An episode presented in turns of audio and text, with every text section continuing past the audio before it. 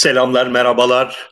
Ee, bağlantı iyi mi onu soracağım. Çünkü bu hafta kendi evimden yayın yapıyorum ve bizim e, buradaki e, internet teşkilatımız bir yıl sekiz ay gibi bir rekor bir sürenin sonunda hala tamir edilmiş değil.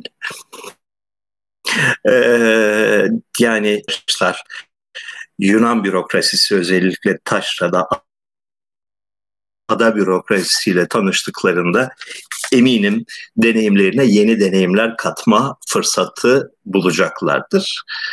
Ee, şöyle Şubat 2019'da internet geldi.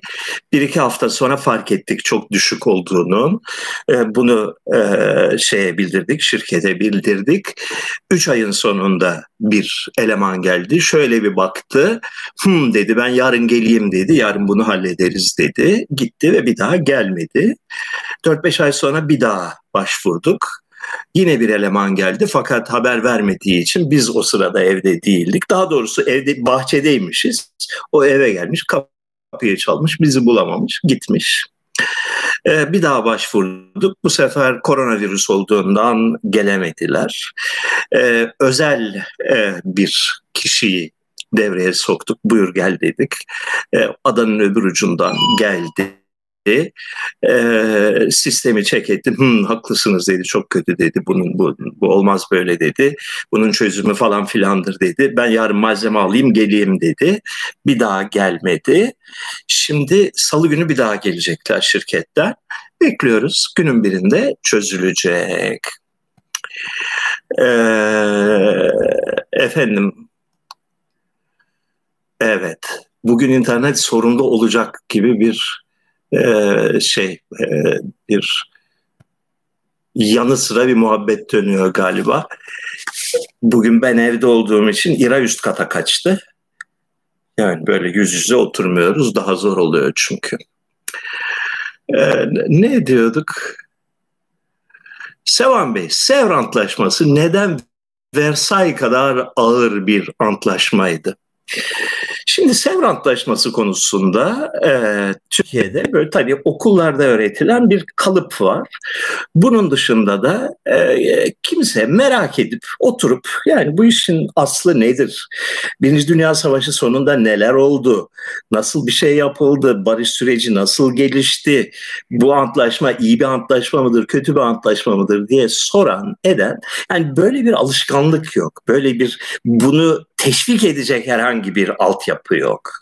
Yani birileri sorgular, öbürleri hmm, siz öyle sorguluyorsunuz ama bu doğru değildir der. Ee, bir tartışma olur, bir tartışma olabileceğine dair bir varsayım olur ki insanlar tartışsınlar. Birinci Dünya Savaşı'ndan sonra Paris'te bir konferans toplandı. Yani savaşın sona erişinden bir buçuk iki ay sonra e, 1918'in Aralık ayında yanılmıyorsam veya da Ocak ayında 19'un e, Paris'te konferans toplandı. Bunlar bir anda e, savaşın galibi olan müttefikler. Diğer yanda Almanya, Avusturya, Macaristan, Bulgaristan ve Türkiye vardı. E, sırasıyla antlaşmalar yapıldı. Bu antlaşmalar her biri Paris'in bir başka banliyösünün adını taşır. Almanya ile yapılan antlaşma Versailles Anlaşması'ydı. Çünkü Paris'in bir dış mahallesidir ve bir köyüdür e, Versailles. Sevr de öyle.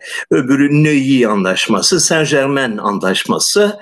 E, Bulgaristan'la yapılan antlaşmanın şimdi şeyini adını hatırlamıyorum. Bunlar olağanüstü sert antlaşmalardır. Yani ezmek, cezalandırmak amacını gütmüşlerdir. Almanya ile yapılan antlaşma Almanya'nın çökertilmesini hedefledi. 100 e, sene ödeyemeyecekleri borçlar yükledi dediler. Ordusunu tasfiye ettiler. Yeniden silahlanmasını engellediler. Bazı vilayetleri işgal altına aldılar ki şeyine karşılık e, borcuna karşı haciz olarak yani e, Zar eyaleti en önemli kömür madenleri askerlerinin bulunduğu bölgeyi Fransa askeri olarak işgal etti.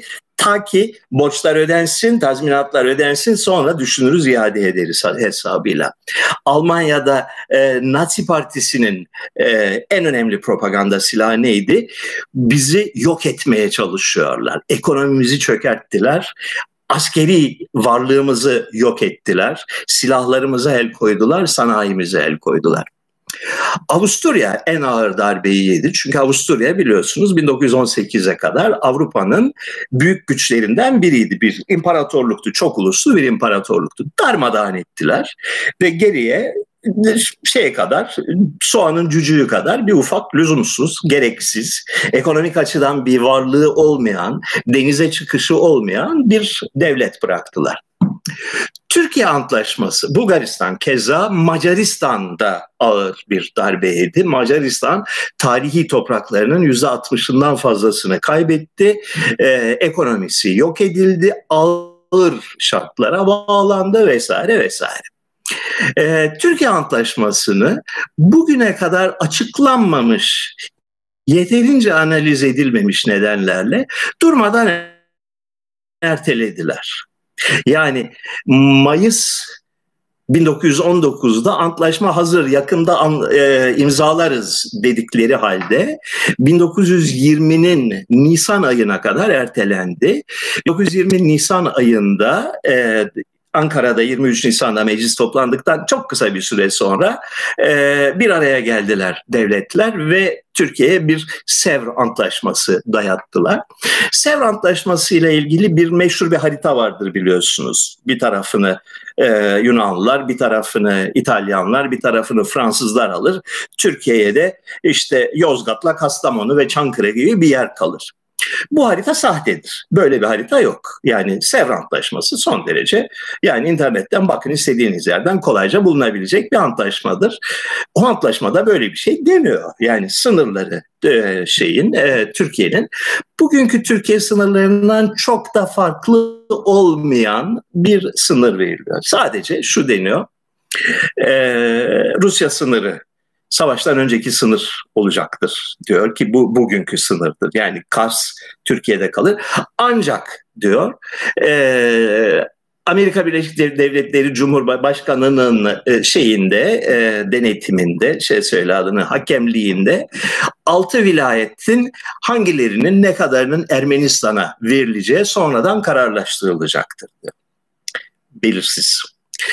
İzmir Yunanlara verilmiyor. İzmir 5 yıl süreyle Yunan işgal idaresi altında olacak. 5 yılın sonunda e, referandum yapılacak ve dolayısıyla İzmir'in kime verileceği belli olacak vesaire vesaire böyle bir e, şey. O gördüğünüz harita ekonomik etki alanı haritasıdır. Çünkü Sevr Antlaşması'na ekli bir maddeyle e, galip devletler birbirleriyle kavga etmesinler diye şuraya Fransızlar giremez, buraya İtalyanlar giremez, oraya Yunanlar giremez gibisinden bir ekonomik etki alanları belirlenmiştir. Yani e, Türkiye'nin egemenliğinde olacak bu yerler. Manisa, Aydın, Muğla vesaire. Fakat bu bölgelerde mesela e, Fransızlar gelip yatırım yapamayacaklar ya da öncelik sahibi olmayacaklar. Böyle bir şey var. Sevr Antlaşması Türkiye'yi bir konsorsiyum yönetimine terk etme anlaşmasıdır. Yani o güne kadar hiç denenmemiş bir model. Ee, İngiliz, Fransız, İtalyan ve Yunanlıların ve Amerikalıların pardon ortak komisyon halinde karar verecekleri bir tür uluslararası koruma rejimi altına sokulmuştur Türkiye. Yürümeyeceği daha birinci günden belli olan bir antlaşmadır. Hiç daha önce böyle bir şey yapılmamış. Türkiye gibi koşullarda 1920 koşullarında yürümesine imkan ve ihtimal olmayan yani doğuştan ölü doğmuş bir antlaşmadır. Nitekim o günlerin İngiliz basını, o günlerin Fransız basını, o günlerin İtalyan basını bunların hepsini ben teker teker baktım, okudum. İstisnasız en sağdan en sola kadar herkes böyle saçma anlaşma olmaz. Bu nedir? Bu, bu gö, göstermelik bir anlaşma. Ee, olur mu böyle şey? gibisinden bir tepki göstermiş. Yürümeyecek bir antlaşma olduğu birinci günden beri belli olmuş. Mareşal Foch ki Birinci Dünya Savaşı'nda e, Fransız ordularının başkomutanıdır. Ona sormuşlar. E, onun söylediği şudur. Bu antlaşmanın yürürlüğe sokulabilmesi için 28 tümen askeri birlik lazım. Şu anda bu işe toplam ayırabileceğimiz ya bir ya da iki tümendir gibisinden bir demeç vermiş. Dolayısıyla işler tahmin ettiğinizden daha karışık. Şimdi baştan beri gelen sorulara. FETÖ işinin aslı asları nedir hocam diye sormuş bir arkadaş. Cevaben bilmiyorum diyeceğim. Bilmiyorum. Yani e, şu var. E, Türkiye'de Fethullah Gülen adı altında bir e, son derece gelişkin, son derece sistemli bir örgütlenme yaşandı ve bu örgütlenme doğrudan doğruya devlet içi bir örgütlenmeydi. Yani askeriyede, e, adliyede ve emniyette üç devletin üç hayati organında bir e, dayanışma e, belli ki ciddi bir e, fon, bir finansman vardı bir sistem kuruldu ve insanlar e, liseden itibaren, insanlar çocuk yaştan itibaren bu sistem içinde yetiştirildiler. E, bu tür bir teşkilatlanma tamamen gönüllülük üzerinde yani sadece bir dini ve sosyal imanla yürür müydü sorusunun cevabı bana e, kuşkulu geliyor. Yani işin içinde büyük devletlerin istihbarat yapılanmaları olmadan böyle bir e, organizasyon mümkün değildi gibi geliyor bana. E, tehlikeli bir şey, iyi bir şey değildi. Ee, Türkiye'de 1950'lerden itibaren NATO'nun kurulmasıyla birlikte tıpkı buna benzer bir teşkilatı Amerikalılar Türkiye içinde kurdular. Yani ilçe düzeyine kadar yayılan toplumun toplumun değil devletin her hücresine nüfuz etmiş bir terör teşkilatı kurdular. Ee, bu konuda uzman olan bildiğimiz bu güce sahip olan devlet Amerika Birleşik Devletleri'dir. Dolayısıyla FETÖ teşkilatının da benim izlenimim bu sadece. Sadece dışarıdan bakan birinin e, şeyi. 1950'lerde kurdukları teşkilat şu ya da bu nedenle bayatladığı için, e, işlevsiz hale geldiği için ya da Amerikalıların istediği niteliğin dışına çıktığı için onu tasfiye edip onun yerine yeni bir teşkilat kurmayı denediler. E, teşkilatın bütün temaları, düşünce tarzı, üslubu, propaganda tarzı bana hep çok yak, oldukça yakından tanıdığım e, Amerikan stilini hatırlatıyor. İç yüzünü bilmiyorum. Fakat e, Amerikalı dostlarımız bu çapta bir organizasyona girişselerdi aynen böyle yaparlardı diye akıl yürütüyorum. Başaramadılar e, tepelendiler. Çok ustaca hazırlanmış bir e, uzun yıllara yayılan bir teşkilatlanma ve hazırlık sürecinin sonunda bir sahte darbe girişimi e, sahnelendi. Bu vesile edilerek, edilerek devlet yapısı içinden e, Fethullah Gülen örgütü temizlendi. Bu konudaki benim e, kanaatim e, nötrdür. Yani e, tasfiye edilen örgütten daha iyi, iyi mi bir örgüt başa geçti hiç zannetmiyorum. Yani e, iti ite kırdırmak diye bir şey vardır. Öyle bir hadise oldu. Yani bir teşkilat yenildi. Onun kadar berbat bir başka teşkilat e, devlete sahip oldu. E, sadece e, 2016'dan beri e, Türk kamu söylemini işgal eden iki yüzlü alçakça e, terör söylemi, korkutma söylemi bana ahlaken iğrenç geliyor. Sanırım hepinize de öyle geliyordur. E, bir sürü yüzlerce, binlerce e, muhtemelen suçsuz, muhtemelen oportunist olmak dışında hiçbir suçu olmayan insan korkunç şekilde mağdur edildi. hukuk namına zaten çok fazla bir şey yoktu Türkiye'de. Köküne kibrit suyu ekildi. Bir daha toparlanamayacak, bir daha 50 sene boyunca toparlanamayacak bir devlet yapısı, bir devlet enkazıyla karşı karşıya kaldık. Ee, enkaz deyince tabii Lübnan geliyor aklımıza. Lübnan'da ne olacak hocam? Yani söylemeyeyim aklıma gelen o deyimi. Ne bileyim ben Lübnan'da ne olacak? Yani müneccim miyim? Gelecekten haber mi veriyorum? Bilmiyorum. Ee, gördüğüm şu. Lübnan ardarda birkaç büyük kriz yaşadı. Birincisi e, ekonomi çöktü. Yani Lübnan lirası küt diye düştü. Yüzde elli, yüzde altmış, yüzde yetmiş değer kaybetti. E, insanlar sefil oldular. İnsanlar e, yani ekonomik varlıkları tükendi. E, peşinden çok radikal yani gerçekten çarpıcı ölçüde bir meşruiyet kaybına uğradı devlet. Yani devlete olan güven, sadakat ve inanç sıfırlandı. Yani yerle bir oldu.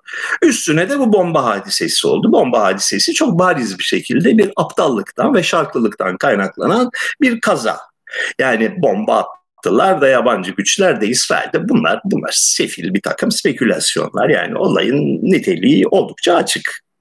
Yani o 6 ton 6 e, yıl boyunca o 2700 ton patlayıcı limanda neden tuttular sorusunun cevabında bir sürü entrika olabilir tabii. Çeşitli hesaplar sonucunda o e, şey orada tutulmuş olabilir fakat aklı başında herhangi bir yani birisinin bunu patlatması için bir neden yok ortada. Gerekçe yok, sebep yok. Ee, ne olacak? Valla dünkü görüntüler ihtilal görüntüleriydi. Yani halk ayaklanmış. Ee, asmak tam başka bir hedefleri yok. Yani bütün siyasetçileri asacağız diyorlar. Ee, darısı tabii Türkiye'nin başına diyoruz. Umarız ki aynı noktaya Türkiye'de kısa zamanda gelecektir dünya boka giderken, din iflas ederken, insanı teknolojiden soyutlarsak, insan teknolojiden soyutlarsak neden gelişmiyor? Din iflas ediyor mu gerçekten? Ben ondan hiç emin değilim. Yani dünyanın boka gittiğini düşünüyorum evet. Fakat böyle durumlarda dini duygular ve dini hassasiyetler azalmaz, artar. Çünkü insanlar teselli ararlar. İnsanlar inanacak bir şeye bağlanmak isterler. Çaresiz insan yani pratik çareleri bulamayan, çıkış yolu göremeyen insan en azından en azından vicdanımız güzel olsun der. En azından kiliseye gideyim bir mum yakayım der. Ee, bu da e, bizim Kemalist ateist arkadaşlarımızın zannettiğinin aksine aptalca bir şey değildir. Bu son derece akıllıca bir e, yöntemdir. Yani çözemiyorsun, yapamıyorsun, yapabileceğin bir bok yok. Hiçbir şey yapamıyorsun. Olaylar seni aşmış. Ne yapacaksın? Ya vah vah vah vah deyip saçını yolacaksın. Ya da benim Allah'ım bana e, beni bırakmaz. E, sabah akşam dua edeyim. E, onun sayesinde bunu atlatacağız dersin. Kendini inandırırsın. Sonuçta ya atlatırsın ya atlatmazsın. İkisi de mümkün. Ama en azından süreci manevi açıdan daha güçlü bir şekilde yaşarsın. Yani bunda ben akıl akıl dışı bir şey göremiyorum. Trump seçimi kaybetse ve e, şeyi e, çekilmiyorum lan dese e, sonucu kabul etmese ne olur diye sormuş bir arkadaş. Amerika'da hiçbir şey olmaz. Yani geçen sefer de şeyler e, Clinton taraftarları da kabul etmemişlerdi sonucu. Ondan önceki seferinde şey zamanında ona 2-3 e, seçimi önce e, ikinci Bush'un seçiminde hani meşhur Florida'da oyların sayılamaması hadisesi vardı. O zaman da muhalefet mızıkçılık ediyor. O kabul etmeyiz, kabul etmeyiz demişlerdi. Ee, henüz Amerika'da e, mahkemelerin ki çok karmaşık bir sistemdir. Eyalet mahkemeleri var, federal mahkemeler var. Ee, önemli konumlarda hakimlerin birçoğu kaydı hayat görev başındadır. Yani görevden alınamazlar. E, dolayısıyla e, ve onların sözü onlar nihai hakemdir. Yani onların dediğinin dışına çıkılamaz. Kimse düşünemez böyle bir şeyi. Dolayısıyla e, Trump eğer yenilirse paşa gibi gidecektir. Yani bir müddet mırıldanır, bir, bir takım şeyler yapar, mahkemeye itiraz eder, yeniden sayılır, bir sürü şeyler olur. Fakat sonuç olarak paşa gibi gider. Ee, Mafi çok da inanmıyorum ben yenileceğine. Yani harıl harıl Amerikan ana akım medyası e, şey, kamuoyu yoklamaları yayınlıyor. Ca, bağıra çağıra. Kaybetti, ezildi, tükendi. Halkımız bütün büyük çoğunlukla bir bunağı destekliyor e, çizgisindeler. Ne zaman ki bir haber görevi haber vermek olan bir medya taraf olmaya başlar. Yani e, haberin belli bir şekilde olmasından bir çıkar ve avantaj sağlamaya başlar. O noktadan itibaren tüm inandırıcılığını yitirir. Bu çok temel bir e, şeydir, prensiptir. Hem e, basın yayın alanında hem bilim alanında. Yani bilim insanları taraf olmaya başladıkları anda, ahlaki bir tercih beyan ettikleri anda bilim insanı olmaktan çıkarlar. Ve söyledikleri her şey ama her şey tartışılır hale gelir. Nitekim korona hadisesinde olsun, e, küresel ısınma hadisesinde olsun. Buna benzer son yıllarda moda olan ve bir adeta bir cihat konusu haline gelen, bir haçlı seferi haline gelen her konuda bilimsel establishment, bilimsel e, kurumlar ve yapılar ve bilim insanları ve medya tüm inanırlılığını, tüm itibarını yerle bir etmiştir. Yani söyledikleri doğru olabilir, olmayabilir, bilmiyoruz. Fakat bir e, medya olsun, bilimsel kurumlar olsun bunu bir dava haline getirdikleri zaman, aksini söyleyenler yasaklanmalıdır, susturulmalıdır demeye başladıkları zaman, aksini söyleyenleri aptallıkla, gerizekalılıkla suçlamaya başladıkları zaman, taram, işin rengi değişmiştir. Bunlar artık bir e, siyasi davanın elemanı haline gelmişlerdir. Dolayısıyla bilim aşkıyla değil, dava aşkıyla hareket etmektedirler. Onlara güven olmaz, onlara sakın ola güvenmeyin. Özellikle korona hadisesinde bu kadar çok yalanın, bu kadar çok e, yanlı, e, objektiflikten uzak, temel eleştirel bakış açısından yoksun yayın yapıldığını bunca senelik hayatımda ben görmemiştim. Bütün rekorları kırdılar. Dolayısıyla hiçbir söylediklerinde inandırıcı bir taraf kalmadı. Ee, umadım ki Lübnan'dan ya benzeri yerlerden başlayan e, ikonoklazm, devirme rüzgarı e, Batı ülkelerine de varır ki bir takım e, çürümüş kurumlar ve ideolojiler sorgulanır veya devrilir. Sevan Hocam, Anadolu'da Germeni yerleşim yerlerinde Surp Toros isimli kiliseler görüyoruz. Kimdir bu Aziz Toros demiş İsmail Barış. Toros'la Allah ile alakası yok. Toros Ermenilerde özellikle Orta Çağ'dan itibaren yani erken dönemde değil 12. o veya 11. 12. yüzyıldan itibaren çok yaygın olan bir isimdir. Theodoros isminin, Theodoros isminin kısaltılması, kısaltılmışıdır. Aziz Theodoros Yunanca bir isim.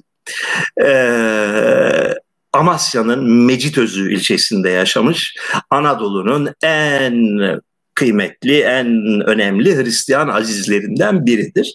Ermenilerde de çok saygı görür.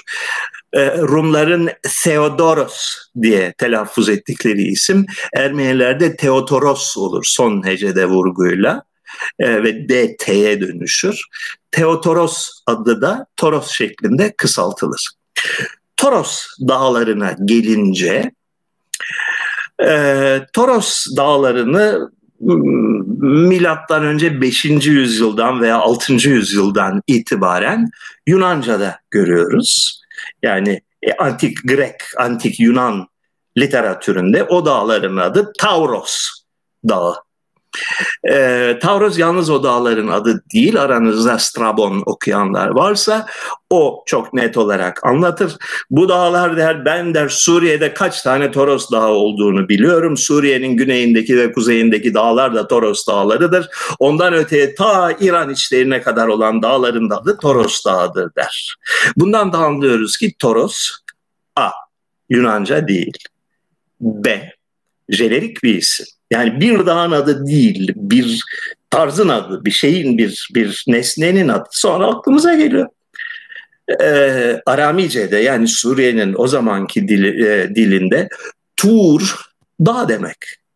tur Sina vardır bilir misiniz? Sina Dağı. Bugün Arapçada da kullanılır bu kelime. Aramice bir kelimedir. Tur e, şey ekiyle Aramice işte belirtme ekiyle Tura demek dağ demek. E, Aramice A eki Yunanca'ya os nominatif eki olarak gelir. Dolayısıyla Tura Yunanca'da Turos, uzun uyla Tauros haline alır. Toros dağları 2500 sene boyunca Yunanca adı Toros olan dağlar daha eski bir Orta Doğu kökenine dayanıyor. Nitekim e, Kilikya'da yani e, Adana, Maraş, Antep, Antakya bölgesindeki yer adlarının hemen hemen hepsi antik çağda. Büyük İskender'den önceki devirde ama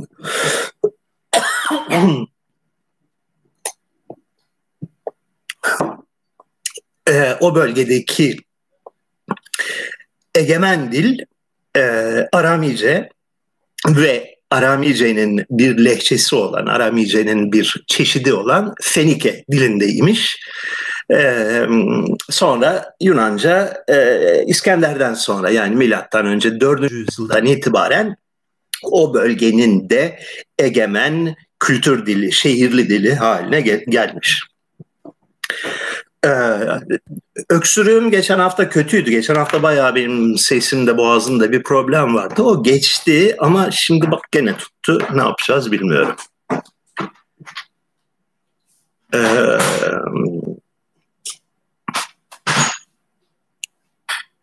İran'ım geldiğine göre bir sorun var demektir. Yok fırtına çıkacak da. Fırtına mı çıkacak? Ha. Yunan adalarında büyük yağmur fırtına durumu durumları var. E, adamıza da gelmek üzere imiş. 5-10 dakika sonra burada da fırtına başlayacak diye ümit ediyoruz. Çok iyi olur gelse çünkü hakikaten boğucu sıcak vardı kaç günden beri. Engin Ardıç hakkında ne düşünüyorsunuz sorusunu duymamış olayım daha iyi. Ee, Engin Ardıç'ı uzun yıllar önce ben tanıdım. 1988'de beraber bir teşriki mesaimiz oldu. Ee, birkaç kere iş için görüştük. O vesileyle bir bar damarda bir iki içki de içtik beraber. Ee, zeki bir insan, iyi eğitimli bir insan. Bunu e, itiraf etmek zorundayım. Fakat ahlaki seviye olarak Türkiye standartlarının bir hayli altında ki bu da dünya rekoruna oynuyor demektir.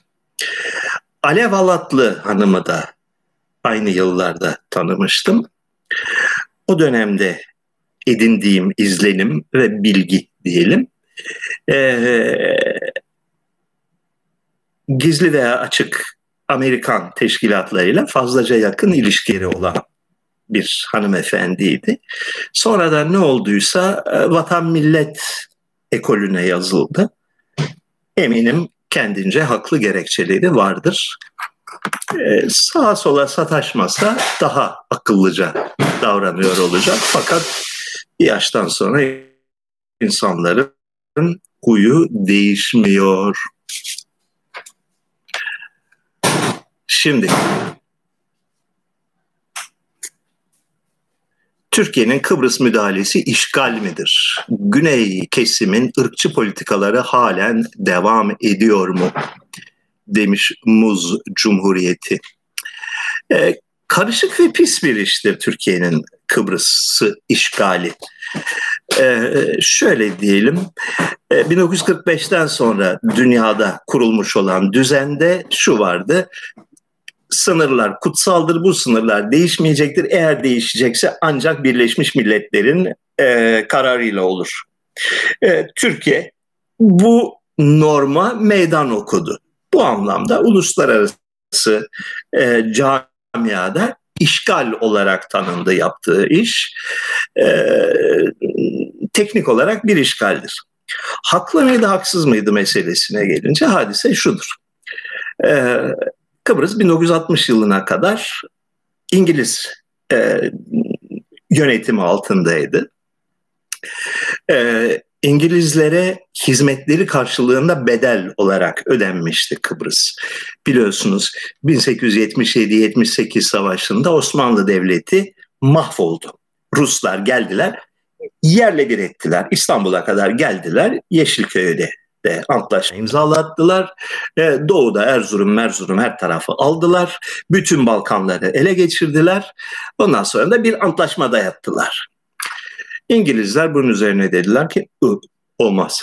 Yani Rusya'nın bu kadar güçlenmesine izin veremeyiz. Ee, yeniden bir barış konferansı topladılar Berlin'de ve Osmanlı Devleti'ni kurtardılar. Kurtarmakla kalmadılar. Osmanlı Devleti iflas etmişti bu savaştan hemen önce. Yani borçlarını ödeyemez hale gelmişti. Ramazan kararnamesiyle 1875'te e, borçlarını ödeyemiyorum kardeşim deyip batmıştı. Badan tüccardı.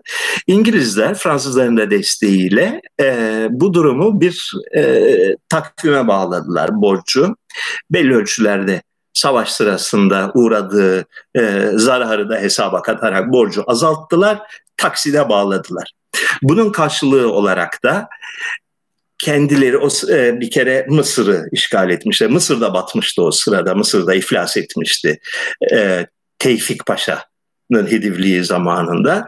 Mısır'da idareye el koydular borçlarına mahsuben. Türkiye'de idareye el koymadılar. Mısır'ı stratejik açıdan korumak için Kıbrıs'ı isteriz dediler. Kıbrıs'ı e, geçici olarak yani e, zamanı gelinceye kadar Türkiye İngiltere'ye teslim etti.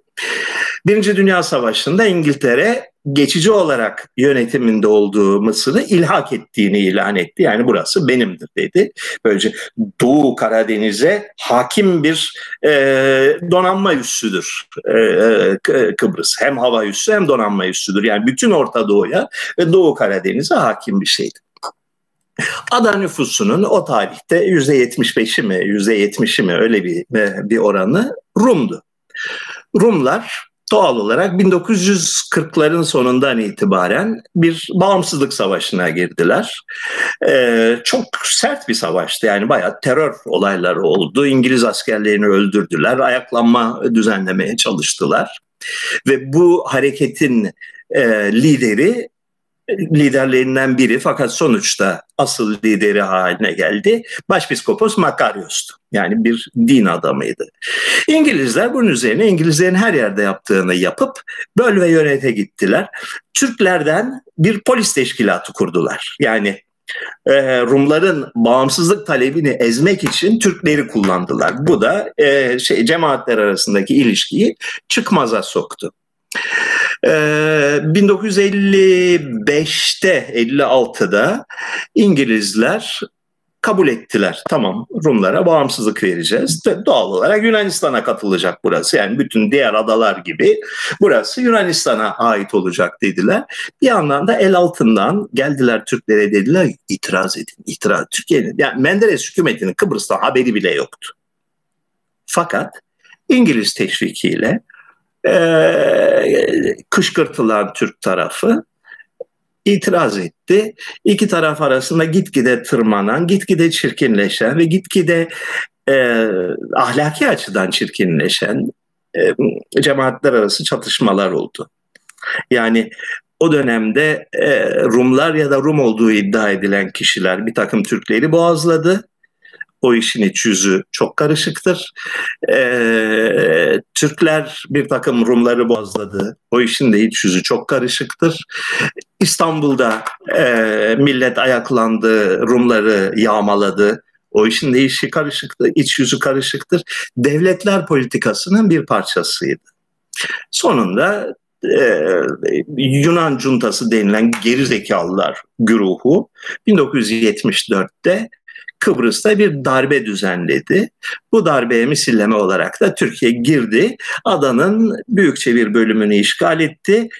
Pazarlık etmeyi düşünüyorlardı. Yani bir miktar toprağı geri verelim. İşte Maraş bölgesini belki Magosa şehrini geri verelim. Karşılığında da bu kısmın Türkiye'ye ait olduğunu kabul edin ya da iki ayrı bölgeli bir federasyonu kabul edin denildi. Ee, Rumlar yanaşmadılar. Kimse yanaşmadı. Dolayısıyla bir e, statüko oluştu. Şu anda kaç sene, 40 seneye yaklaşıyor.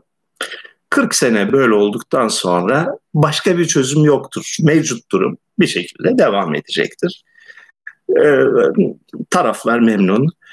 E, Rum tarafındaki e, haleti ruhiye nedir bilmiyorum. Hiç gitmedim Rum tarafına. Türk tarafına çok gittim, sık sık gittim. E, Rum tarafına gitmedim. Fakat Rum tarafı e, Rus zenginlerinin, Rus oligarklarının offshore e, üssü olarak öylesine bir e, zenginliğe kavuştu ki bir dönem yani bunu fakir Türklerle paylaşmanın ne manası var artık bu aşamada? O da e, bir gerçek. E,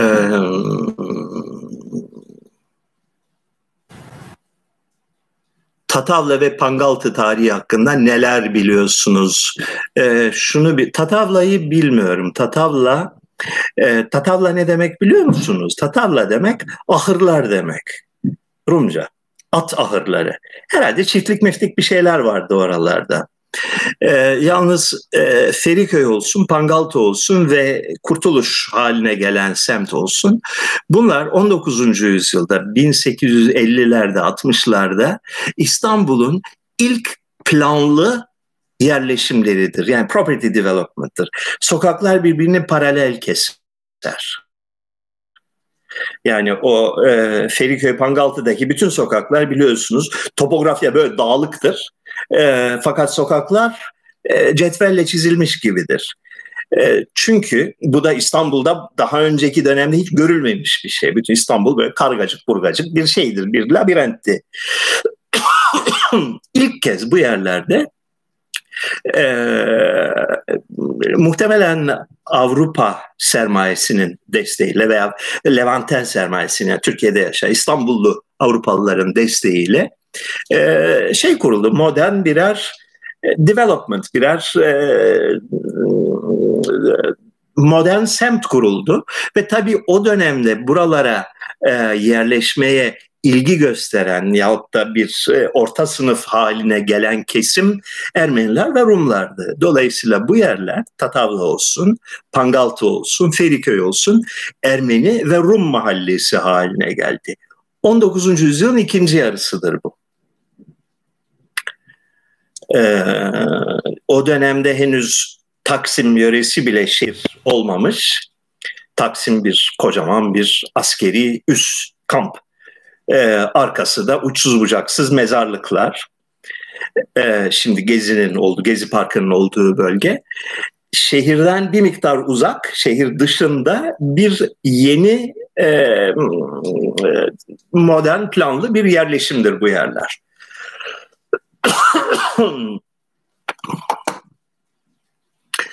Revizyonist İslam tarihi teorileri konusunda ne düşünüyorsunuz? Ana kahramanların hiç yaşamadığı iddiasına ne, ne diyorsunuz? Arkadaşlar İzmirli Sezar 2012 ve 2013'te bu konulara çok bayağı böyle merak sardım. Ee, bir hayli literatür okudum. O dönemde çok ciddi okuma yaptım ve çok sayıda da makale yazdım. Harıların makale yazdım o dönemde. Bir kitap haline getiririm diye düşünüyordum. Bu kitap benim toplu makalelerimin üçüncü cildi. Üç değil, ikinci cildi olarak yayınlandı. Ee, adı Din Savaşları oldu. Bu konuda bildiğim e, yani e, emek ürünü olan e, çalışmalarım o kitaptadır. İkinci cilt toplu e, makaleler e, Din Savaşları. Liber Plus yayınlarından çıktı. 2018 sonu veya 2019 başında çıktı. Halen piyasada mevcuttur. Ee, onu okuyun yani güzel makaleler vardır orada. Ee, şöyle diyeyim, İslam dinine ile girdiğim polemik e, cezaevinde de belli bir süre sürdü. Fakat yurt dışına çıktığımdan beri gazı kaçtı. Yani e, şu anda ilgimi çekmiyor. Yani o kavganın şeyi kalmadı. Sabah akşam günde beş defa o bağırtıyı duysam gene sinirlenirim. Gene konuya ilgi gösteririm de e, yani e, Samos'tan baktığın zaman e canım bu da Türklerin inancı ne olacak duygusuna kapılıyorsun. Eee şunu gördüm yani ben hayatımda e, kiliseyle papazla işi olmamış bir insanım. Fakat bu adada e, papazı da kilisesi de çok hoşuma gidiyor. Başka bir din anlayışı var. Türkiye'deki gibi değil. Kimseyi ikna etmeye çalışmıyorlar. Folklorun bir parçası ve insanların yaşamının çok böyle iç içe geçmiş bir parçası. Ve fiziksel mekanları çok güzel. E, ibadet şekilleri çok hoş, çok sempatik. E, adada her köşede, her yerde, her dağ başında, her mağarada, her deniz kıyısında, her ulaşılmayan yerde böyle biblo büyüklüğünde beş kişinin zor sığacağı kiliseler yapmışlar. Yüzlerce var adada. Özellikle en ulaşılmaz yerlerde e, bu şeyler. Dağların zirvelerinde, mağaralarda. Ee, çok hoş yerler, çok güzel yerler, çok naif yerler. Hepsi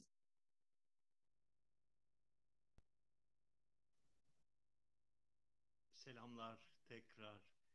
Ee, büyük fırtına başladı dışarıda. Ee, gök gürültüsü, yıldırım, elektrik gitti. Elektrik gidince bizim yayında maalesef sizlere ömür oldu. Bilmiyorum devam etmeye değer değmez mi yoksa bu hafta 40 dakikada keselim mi? Ee, oo, millet gelmeye başladı bile.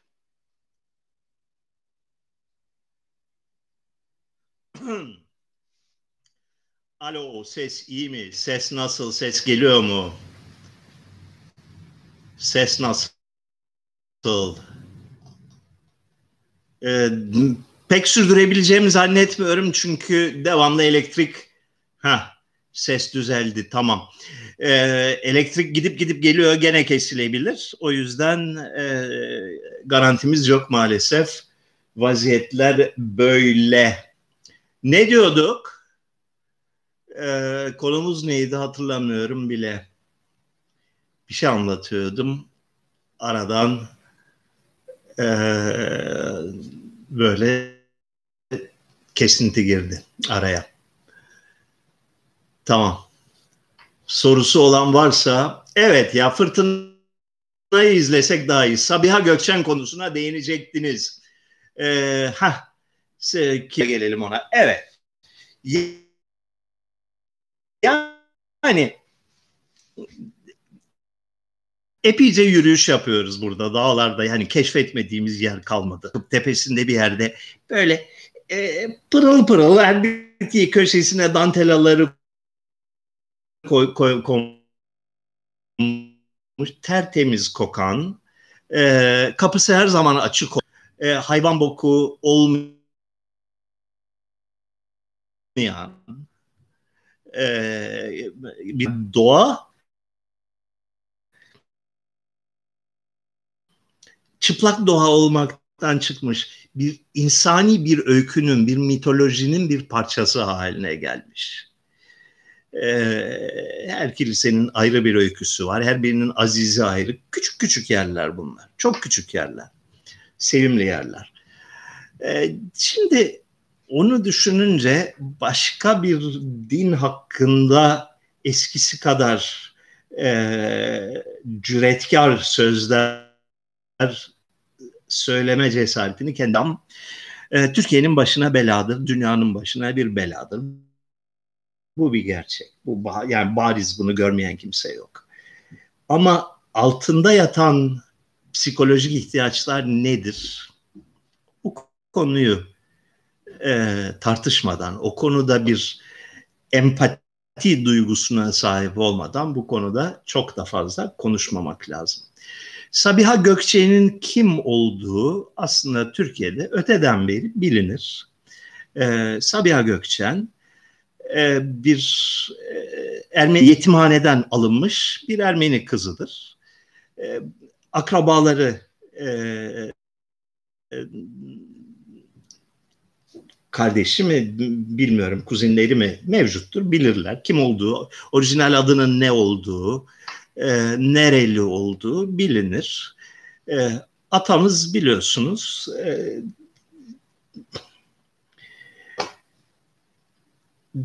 doymaz bir cinsel iştihaya sahipti ve özellikle yaşı küçük kızlar konusunda bir uzmanlığı vardı. Ee, bir şekilde Sabiha Gökçen'i de aldı Sonra onu e, hoşuna gitti herhalde ki diğer kızların çoğunun aksine e, iki gün kullanıp atmadı, eğitti, savaş pilotu haline getirdi ve Dersim'in bombalanmasında e, simgesel bir isim olarak yani bütün basın yoluyla propagandası yapılan bir kişi olarak Sabiha Gökçen'e görev verildi. Böylece bir yetim Ermeni kızı Türk ulusal e, Cumhuriyet e, azizleri arasında yerini aldı. Hatta bir havaalanına isim e, isim e, oldu. E, Hrant Dink biliyorsunuz gazetesinde bu konuya yer verdi. Yani şeyin e, aslında herkesin bildiği, Ermeni cemaatinde herkesin iyi bildiği bir öyküyü manşete taşıdı gazetesinde. Bunun üzerine dediler ki senin amına koyacağız kardeşim. İki yıl süren bir karalama ve çökertme kampanyasının başlangıcı oldu. Ee, Sabiha Gökçen e, haberinin yayınlanmasının hemen ardından e, önce Hürriyet gazetesi bu ne küstahlık vay diye bir bir yerlerden beslenmiş, bir yerlerin borazanlığını yapan bir manşet attı. E, o zamanın Kara Kuvvetleri Komutanı ve İstanbul 1. Ordu Komutanı çıkıp e, konuş e, Kara Kuvvetleri Komutanı ve Genelkurmay ikinci başkanı mıydı neydi? E, onlar çıkıp konuştular. Bunu senin yanına bırakmayacağız dediler. Bir takım ki neydi belirsiz, e, ülkücü olduğu söylenen kişiler e, şey e, gösteri yürüyüşü yapıp ölümle tehdit ettiler. E, valiliğe çağrılıp tehdit edildi Ranting. Ondan sonra bu her zaman yaptıkları tipik Türk devletinin standart prosedürüdür. Mutlaka bunun bir el kitabı falan vardır. 20 tane 30 tane kel alaka ipe sapa gelmez davalar açtılar. Bu davaların sonucunda mahkum edildi. E, yani aklı olan veya olmayan herkesin görebileceği şekilde özellikle e, yani hiçbir suç ihtimalinin bulunmadığı yazılardan dolayı mahkum edildi. Bu da bir tekniktir. Yani kardeşim sen boşuna ötme biz istersek seni gözünün üstünde kaşın var diye de mahkum ederiz. Hiç de bir şey yapamazsın diye bu şeyin bu işin mesajı. Sonra da öldürüldü. Organize bir şeydir. Türkiye Cumhuriyeti Devleti'nin bir başarısıdır. Ee, yani 100 yıldan beri, İttihat ve Terakki zamanından beri e, Türkiye Cumhuriyeti Devleti'nin işlediği suikastlerin uyguladığı yani e, e, yaptığı suikastlerin tipik sıradan bir vakasıdır. Diğerlerinden de çok büyük bir farkı yoktur.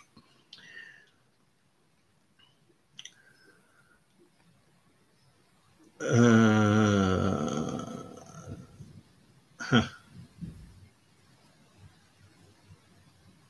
Tercan'ı ziyaret ettiniz mi? Nasıl bilirsiniz? Eserlerinize sahip çıkıyoruz.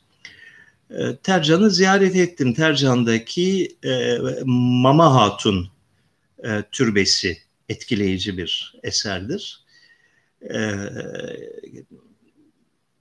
klasik Ermeni mimarisinin yani yüzlerce benzeri ve örneği olan Ermeni Ortaçağ mimarisinin İslami bir kisve altında karşımıza çıktığı bir örnektir. Ee, Tercan'ın 20 kilometre kadar ötesinde dağda çok ıssız bir yerde çok güzel bir eski manastır var. Venk adıyla biliyorlar. Abrankvank, Abrank diye bilinir. E, Surtavit Manastırı'dır. E, orayı tesadüfen keşfettik ve onun üstünde e, Türkiye'deki en etkileyici, en çarpıcı haçkarlar. Haçkar nedir bilir misiniz? E, eski Ermeni mimarisinde, geleneğinde e, bir ya mezar taşı olarak ya da bir anı, anıt olarak dikdörtgen belli bir şekli olan çok yüksek ve üstü böyle ince ince ince taş oya gibi taş işlenmiş taşlar dikerler. Bu birçok kültürde var bu eski Avrupa kültüründe de olan bir şey. Dikili taş dikmek. Ee, Ermenistan'da çok vardır. Türkiye'dekilerin çoğu tahrip edilmiş, yok edilmiştir. Fakat o Tercan yakınındaki manastırdaki üç tane e, bin yüzlü yıllardan kalma e, Haçkar çok etkileyici eserlerdir. Daha da ilginç olanı tabii e, Mama Hatun türbesiyle aynı tarihe aittirler. Yani aynı siyasi ortamın e, ürünüdürler. Ve üzerlerinde e, Ermenice olarak e, işte ismi tam olarak hatırlamıyorum şu anda ayrıntısını da o zamanın oranın e, e, hükümdarına, İslam hükümdarına e, saygı ifade eden bir cümle bulunur. Bildiğim bu kadar Tercan hakkında. Tercan'ın e, nüfus kompozisyonu hakkında da bir miktar bilgim var. E, Erzincan'da e, Kürt çoğunluğu olan tek ilçedir bildiğim kadarıyla. Aynı zamanda e, ciddi bir Alevi nüfusu da yani Dersimli nüfusu da barındıran bir ilçedir. E, filan. Aman Allah'ım Besin Tibuk hakkında ne düşünüyorsunuz hocam? Adana Kız Meslek Lisesi hakkında bilgi lütfen. Ee,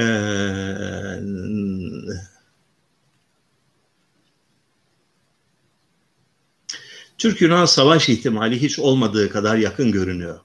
Sizce Türkiye bu çökük ekonomisiyle bu cenk naralarını atma özgüvenini nereden buluyor? En son gemiler bu sabah Rodos-Kerpe arasında görülmüş. Ee, zannedildiği kadar yakın değil. Yani Türk dış politikası e, genellikle rasyonel bir politikadır. Bunu akıldan çıkarmayın. E, deli numarası yapıyor Türkiye. Deli numarası yapmak genellikle çok başarılı veya başarılı olabilecek bir e, pazarlık yöntemidir. Yunanistan'ı sarsmaya çalışıyor. Ee, Yunanistan'ın Avrupa Birliği ile arasını bozmaya çalışıyor Türkiye. Bunda başarılı olabilir mi? Ben pek ihtimal vermiyorum. Fakat büsbütün de sıfır değildir e, ihtimal. İşin iç yüzünü bilemezsiniz. Yani bilemeyiz. Üniversite tercihi yapacaklara önerileriniz nelerdir? Malumunuz tercih dönemi. Üniversite mi kaldı? Yani bütün bir eğitim sisteminin kolay düzelmeyecek bir şekilde yerle bir edildiğini düşünüyorum. Ee, yani ne zaman açılacaklar, tekrar açılabilecekler mi? Açıldıklarında hangi koşullarda açılacaklar? E, bunların hepsi büyük birer soru işareti. Benim ikinci oğlum da üniversiteye girmek üzere yani bu sene e, girecek. E, yurt dışına gitmeyi planlıyordu. E, NYU'yu New York University'yi kazandı. Fakat NYU önümüzdeki sene e, sadece uzaktan eğitim verecek. E, ve Amerika Birleşik Devletleri yeni öğrencilere vize öğrenci vizesi vermeyeceğini ilan etti. Dolayısıyla biraz zor görünüyor o iş. Ee, böyle şey online eğitim palavra yani online eğitim fikrinin yürüyeceğini ben tahmin etmiyorum. Ee, üniversite konferans dinlemek değil ki. Yani üniversite bambaşka bir şey. Üniversite bir sosyal yaşamdır her şeyden önce. Kütüphanedir. Ee, hocayla ve diğer öğrencilerle ve hoca dışındaki diğer işte dernekler, e,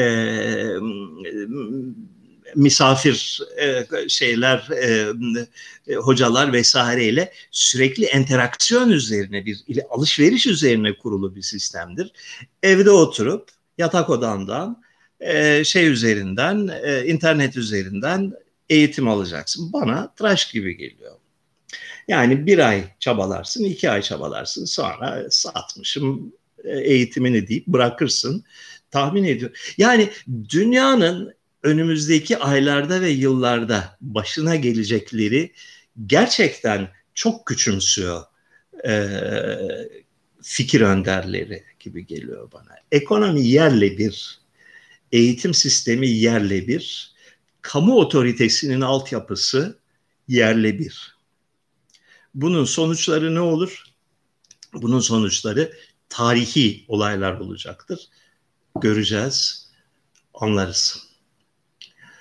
Türklerden önce Anadolu'da Rum ve Ermeni ilişkileri nasıl idi? Bugünkü Türk-Kürt çatışmasında kadim çelişkilerin iz düşümü var mı diye sormuş Ümit Aslan. Bu bizi ıı, acayip derin mevzulara sokar. Bunu birkaç defa birkaç konferansımda anlatmışımdır.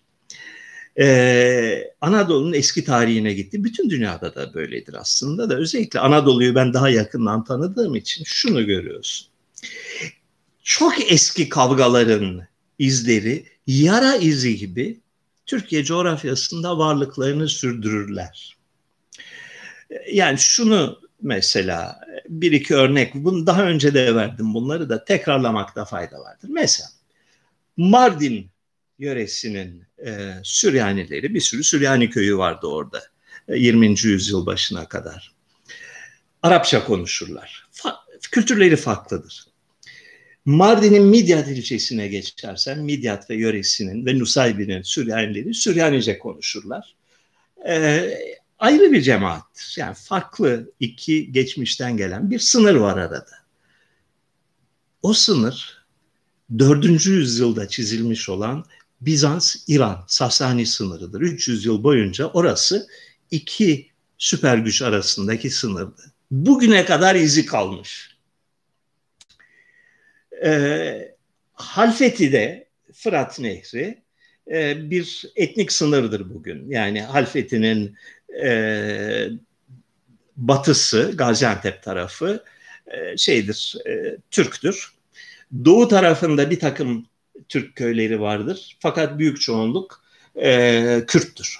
Baya böyle bir kültürel sınır var orada. Yani baya böyle harita üzerinde çizebileceğin bir sınır var. Bakıyorsun İslam öncesi dönemde o sınır aynı sınır. Bir tarafı Rum, bir tarafı Ermeni.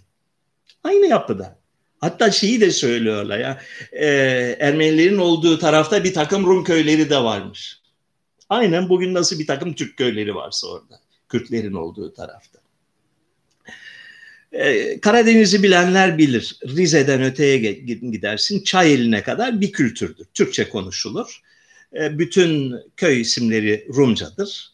E, şey giyerler, keşan dedikleri e, bu kırmızı, siyah, kırmızı, beyaz çizgili başörtüsünü başlarına, omuzlarına alırlar.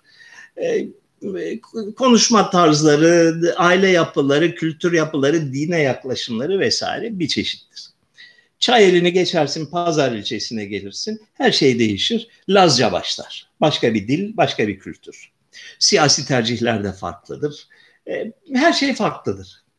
O sınır 1200'lerdeki, 11. yüzyıldan 15. yüzyıla kadar Rum kültürünün son sınırıdır. Yani Trabzon Rum İmparatorluğu'nun dış sınırıdır. Çayeli'nde son garnizon varmış. Mapavri'ydi o zamanki adı. Yani eskiden Rum olan yer Türk olmuş. Eskiden e, Laz olan yer Laz kalmış. Hadise şu. Ta, şeyler değişse, oyuncular değişse de yapısal ilişki yani sınır, ötekiler ve biz ayrımı korunuyor. Strüktür konu, iskelet korunuyor. İçeriği başka şekilde dolduruluyor. Düşmanlık da çünkü bu yerler, bu sınırlar şeydir. Öbür taraftakileri sevmezler. Öbür taraftakilerin pis olduğunu düşünürler. Akılsız, yobaz, kötü. Ne bileyim bildiğin tüm şeyler. Yani kız alıp vermek istemezler. Ee, çok köklü, çok eski. Yani bir kısmı tarih öncesine dayanan coğrafi bölünmeler var ve bunları okudu yara izleridir bunlar. Anadolu'nun bağrındaki yara izleridir. Bu yara izlerini okumayı öğrenirsen çok şey e, öğrenirsin. Mesela en azından şunu öğrenirsin. E, Amerikalılardan taklit ettikleri kamuoyu yoklamaları var biliyorsunuz. Kim şeye e, hangi partiye oy verecek? İşte yaş gruplarına göre, cinsiyete göre, sosyal konuma göre, gelir durumuna göre şey yapıyorlar. Çünkü Amerika'dan öyle öğrenmişler.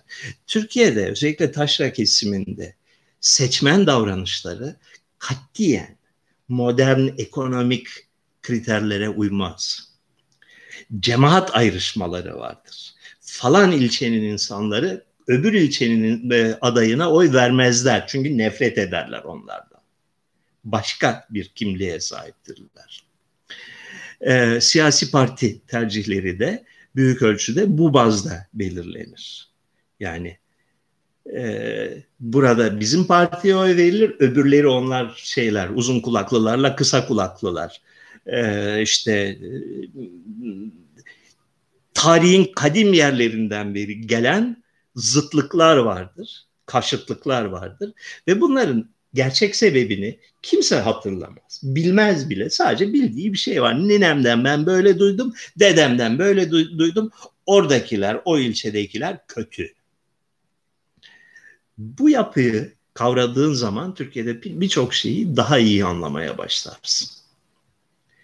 E, bu yapılar son 40 yıldır hızla erozyona uğruyor. Yani 1980'den bu yana gelen e, şehirleşme ve iç göç hamlesi çok silindir gibi geçti memleketin üstünden. E, Taşra'da sürekli orada yaşayan insanlar çok azaldı. Herkesin bir ayağı İstanbul'da, Ankara'da. Çocukların eğitimi için İstanbul'a, Ankara'ya geldiler. Köylerine sadece yazın dönmeye başladılar. Dolayısıyla köydeki tercihler, köydeki ön yargılar, e, taşranın e, kendine özgü zıtlıkları e, eskisine nazaran e, daha yer altına geçmeye başladı, daha düşmeye başladı. Fakat hala şu gerçek vardır. Yani İstanbul'da böyle şey e, sokak sokak mahalle mahalle yapılan siyasi parti araştırmaları var. Kimler Cumhuriyet Halk Partisi'ne oy veriyor, kimler öbürlerine oy veriyor. E, uzun vadeli trendler, 20 yıllık trendler, 40 yıllık trendler ve bunu ısrarla, ısrarla çünkü üniversitede öyle öğrenmişler. Sosyoloji onlara bunu bunu anlatmış. Gelir durumuna e, vesaireye bağlamaya çalışıyorlar memleket soracaksın Türkiye insanına. Nerelisin? Oradan anlarsın hangi partiye oy vereceğini.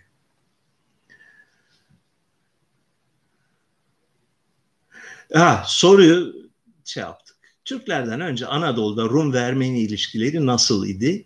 Bugünkü Türk-Kürt çatışmasında filan falan. Ee, ta kadim çağdan beri, Roma çağından beri Fırat Nehri e, Rum diliyle Ermeni dilinin sınırı olmuştur. Yani Fırat'ın doğusuna geçtin mi e, Erzincan, e, Dersim yani Tunceli, Elazığ e, ve bunun doğusu dağlık kısım şey değil, Diyarbakır tarafı değil. Kuz, e, Doğu Anadolu dediğimiz bölge Fırat'ın doğusundaki kısmı öteden beri Ermeni krallığı olmuş ta kadim çağda. 4. yüzyıldan itibaren Ermeni krallığı darmadağın olmuş. Şeyle e, İran'la Bizans arasındaki çatışmalarda yıkılmış. Yüzlerce küçük beyliğe bölünmüş. Bu yüzlerce küçük küçük beylik, beylik daha sonra Arap egemenliği altına girmişler. Yani e, Anadolu'nun İslam tarafından ilk fethi 7. yüzyıldır. 7. yüzyılda Fırat'ın doğusundaki Türkiye İslam egemenliği altına girmiştir. Fakat e, dağlık kısım yani Urfa, Diyarbakır, Mardin'in kuzeyi, Silvan ve kuzeyi, Lice, Kulp, e, Ergani ve kuzeyi büyük çoğunlukla Ermeni beylerin, sülalelerin, feodal e, grupların egemenliğinde kalmıştır. 10. yüzyılda Arap İmparatorluğu dağılınca bu beylikler ortaya çıktılar. Bu beyliklerin bir kısmı Bizans'ı kendine müttefik gördü, o tarafa kaydı. Bir kısmı ise Bizans olmasından ne olursa olsun diye özetlenebilecek bir siyasete girişti ve yeni Ermeni krallığını kurmaya teşebbüs ettiler 10. yüzyılda. 9. yüzyıl sonu 10. yüzyıl başı. Ve bu dönemde de ısrarla Bizans İstanbul şeyi e, Ermenilerin büyük çoğunluğu tarafından yabancı bir güç, e, zorba bir güç, totaliter bir güç olarak algılandı ve mücadele vardı, e, sürdü. Türkler zuhur ettiğinde, Türkler ortaya çıktığında 1040'lı yıllardan itibaren Ermeni beylerinin önemli bir kısmı e, düşmanımın düşmanı dostumdur hesabıyla Ermeniler, şey Türklerden medet umdular. Sonradan fark ettiler yaptıkları hatanın büyüklüğünü fakat iş işten geçmişti. Ee, bir ara hatırlatın da şeyi anlatayım. 1071 Malazgirt Savaşı'ndan hemen sonraki 10 yılda neler oldu? Çünkü çok ilginç bir dönemdir. Zannedildiğin aksine Selçuklular gelip bir devlet teşkilatı kurmadılar. Selçuklular geldiler, Bizans'a bir tokat attılar. Bütün bugün Türkiye olan topraklar, Türkiye ve Suriye ve Kuzey Irak olan topraklardaki siyasi otoriteyi yerle bir ettiler. Sonra çekilip gittiler. Bundan sonraki 10 yılda çok şeyler oldu Anadolu'da. Sonra yavaş yavaş bir takım Selçuklu Devleti değil, bir takım Türk beyleri, bir takım Türk girişimcileri, bir takım Türk askeri önderleri kendi ordularıyla gelip her biri bir kasaba, bir yer, bir bölge kaptı. Bir, bir sürü beylik çıktı ortaya. Bunu bir zamanlar bir ara konuşuruz.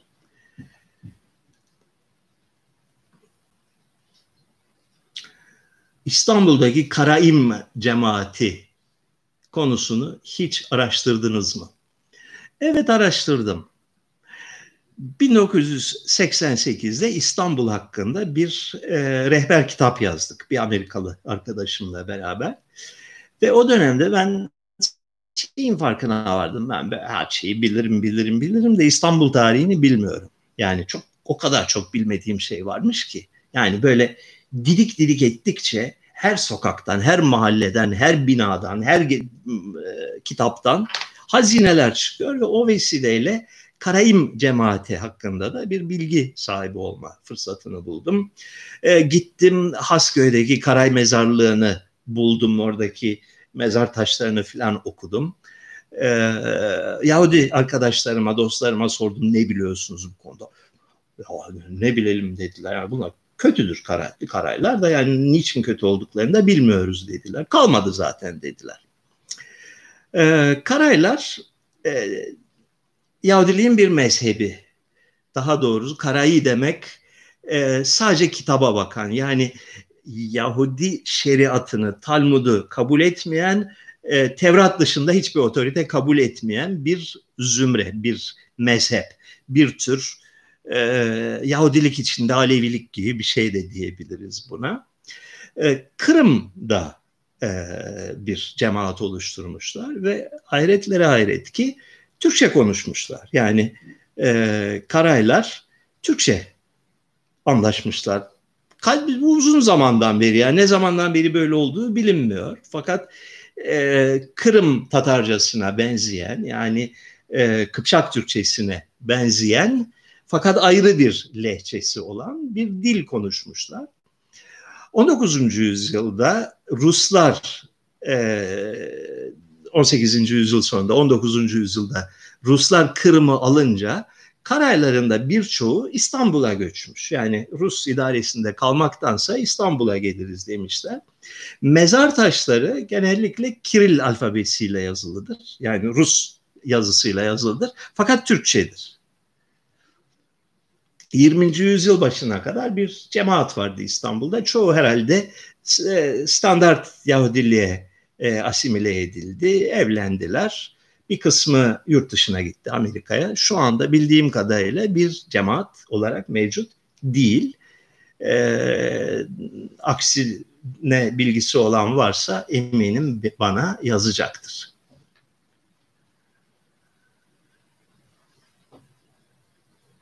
Hocam Avrupa'da hayatta kalmak için ne yapmak gerekir? Akademisyen olarak ayakta kalma imkanı var mı? Ee, uluslararası geçerliliği yangınla mücadele uzmanıysan e, Avrupa fırsatlar ya da e, lokanta açarsın, kebapçı açarsın. Oradan Allah ne verdiyse yürürsün eğer koronayı bahane edip bütün lokantaları kapatmazlarsa.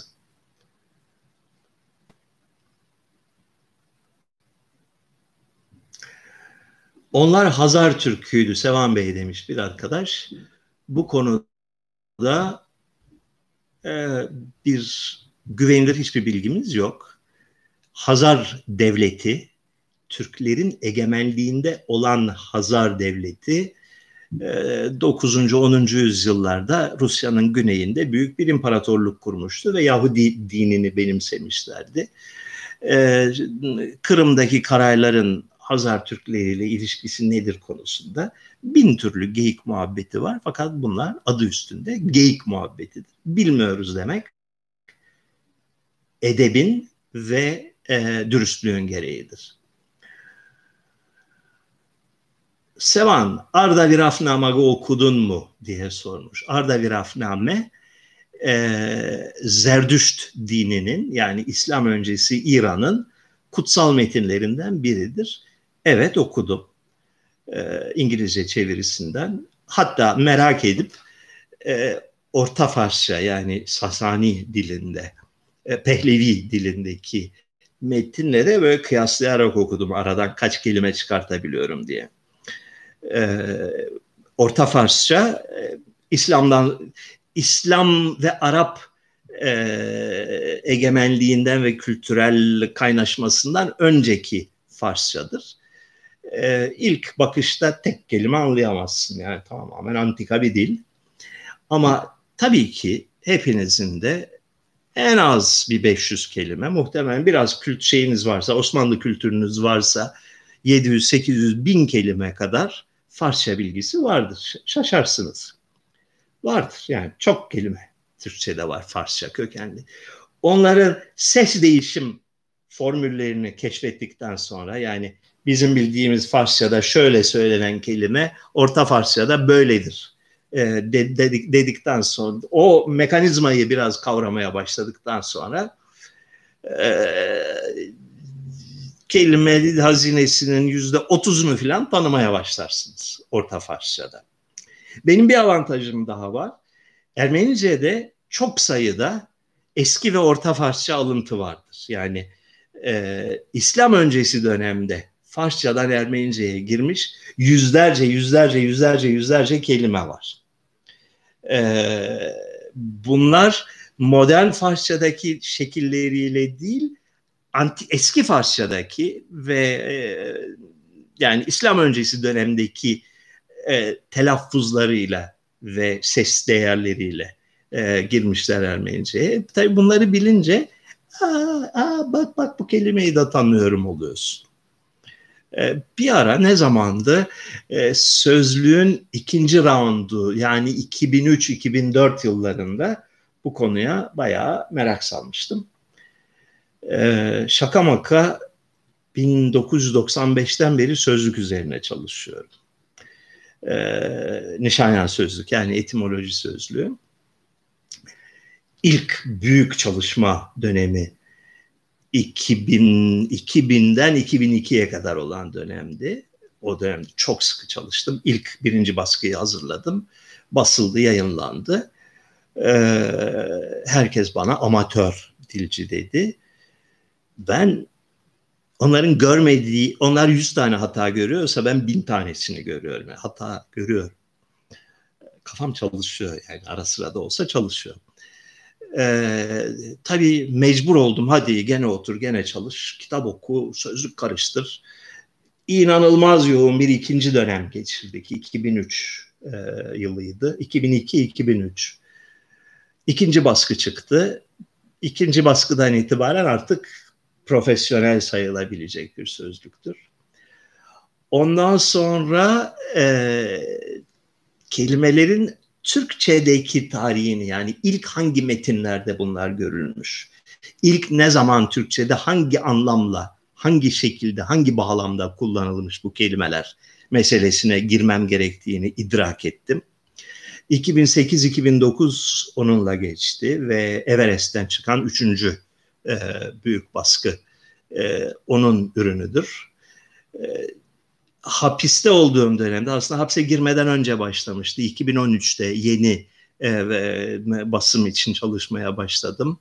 Hapiste bütün 2014 yılı boyunca çok yoğun bir çalışma yaptım. Bu sefer e, Türkçe eski tarihi metinleri taradım. 300-400 tane kadar e, tarihi metin tarayarak kelimelerin önceki geçen yüzyılda ondan önceki yüzyılda daha önceki yüzyılda hangi bağlamda ve nasıl kullanıldığı meselesini e, irdeledim.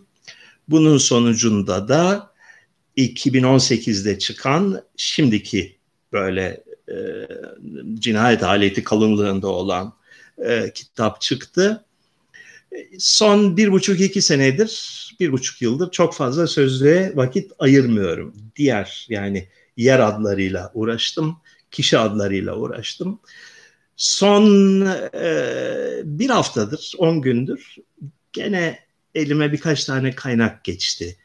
1909'da ve 1911'de basılmış iki tane eski yazı. E, Lugat Osmaniye'de e, şey e, Lisan Osmaniye'de Lugat Ecnebiye isimli kitaplar. Yani Osmanlı diline girmiş yabancı kelimeler. 1909'da ve 1911'de iki tane basılmış. Birincisi Trabzon'da basılmış. Hayret bir şey. İkincisi Ali Seydi ki önemli bir sözlükçüdür. Ee, önemli fakat kötü bir sözlükçüdür.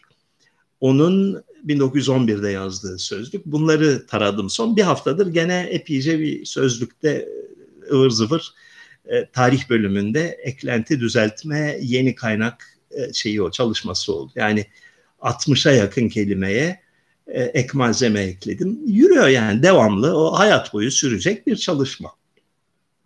Yer adları sözlüğü çıkıyor. Gerçekten çıkacak. Yani ben bile inanmaya başladım artık.